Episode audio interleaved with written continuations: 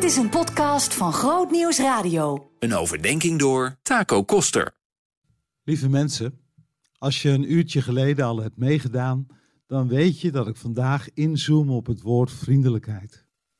En als je net bent gaan luisteren, dan weet je dus nu ook dat ik wat mijmer over het woord vriendelijkheid. Ik heb gemerkt dat veel christenen dan al snel denken aan een Bijbeltekst uit Filippenzen 4. Daar staan de volgende woorden. Laat iedereen u kennen als vriendelijke mensen. De Heer is nabij.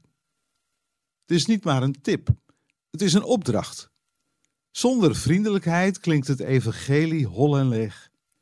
Christenen kunnen niet anders dan vriendelijke mensen zijn. Anders sla je de plank mis. Voel dat als een zware opdracht? Te zwaar zelfs?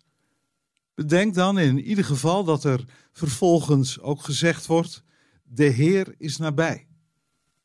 Deze uitspraak kun je op twee manieren opvatten en ik denk dat beide manieren ons kunnen helpen. Allereerst, de Heer is nu bij ons. Hij vult ons met zijn geest, met zijn kracht. Je staat er niet alleen voor in deze opdracht. Dat is een prachtig principe in de Bijbel. Als je een opdracht krijgt, dan krijg je er ook de kracht voor om ermee aan de slag te gaan. God is bij je. Tweede betekenis. De Heer komt terug en dat laat niet meer lang op zich wachten. Hij is er bijna. We leven in de verwachting van de terugkomst van Jezus. En dat perspectief geeft ons nu de kracht om zelf een stapje terug te doen en ruim baan te maken voor iets als vriendelijkheid. Het feit dat christenen geloven in een nieuwe hemel en een nieuwe aarde maakt dus niet passief, maar helpt juist om te kunnen relativeren.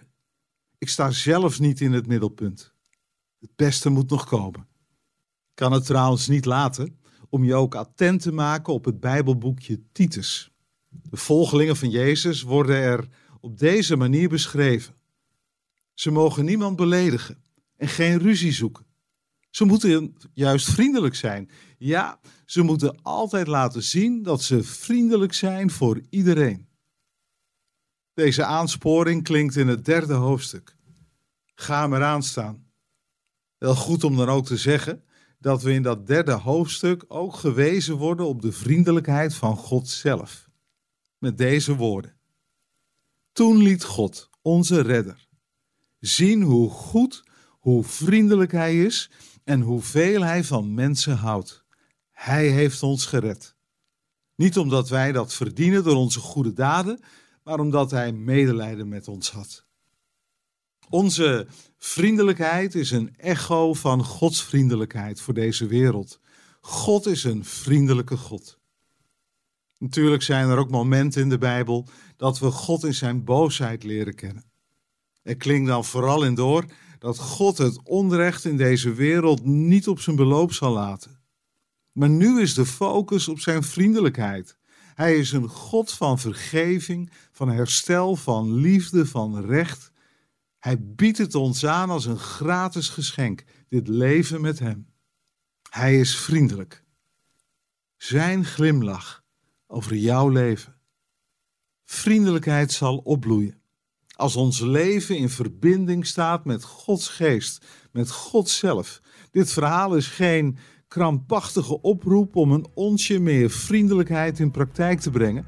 Dit verhaal is vooral een uitnodiging tot, om je leven in Gods hand te leggen en om je te laten raken door Zijn vriendelijkheid.